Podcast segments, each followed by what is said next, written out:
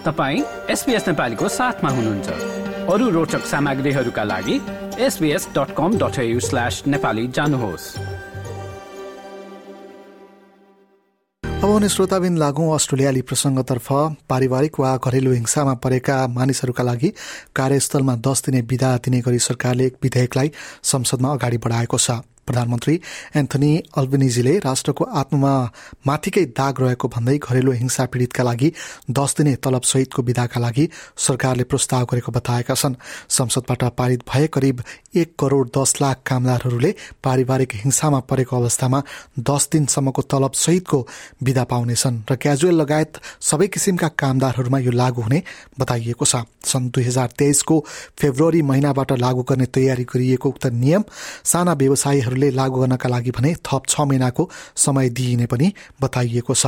घरेलु हिंसा पीड़ित र अधिकार कर्मीहरूले संसद भवन अगाडि आयोजना गरेको एक निगरानी कार्यक्रममा भाग लिँदै प्रधानमन्त्री एन्थोनी एल्बनिजीले हरेक दिन जसो चुपचाप कपटी रूपमा भइरहेका यस्ता कार्य अस्ट्रेलियाको आत्मामाथिकै दागको रूपमा रहेको पनि बताएका छन्। संसदमा विधेयक जारी गरेका रोजगार सम्बन्धी मन्त्री टोनी बकले ढिला गरी आउँदै गरेका कानूनले रोजगारदाता कम्पनीहरूलाई पेरोलमा विधा सम्बन्धी तयारी गर्न सजिलो हुने बताए कानून वर्षौं पहिले आउनुपर्ने वर्गले संसदमा बताएका छन् More than 68% of people experiencing family and domestic violence are in paid work. However, many can't leave violent situations without risking joblessness, financial stress, homelessness, and poverty, leaving workers having to choose between their safety and their livelihood.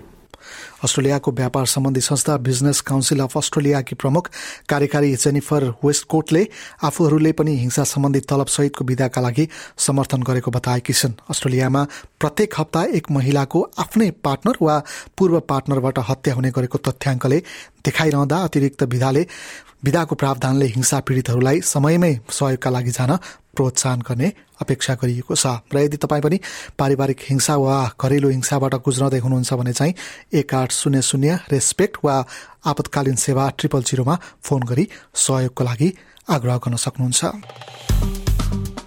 Like र comment गर्नुहोस्। नेपालीलाई फेसबुकमा साथ दिनुहोस्।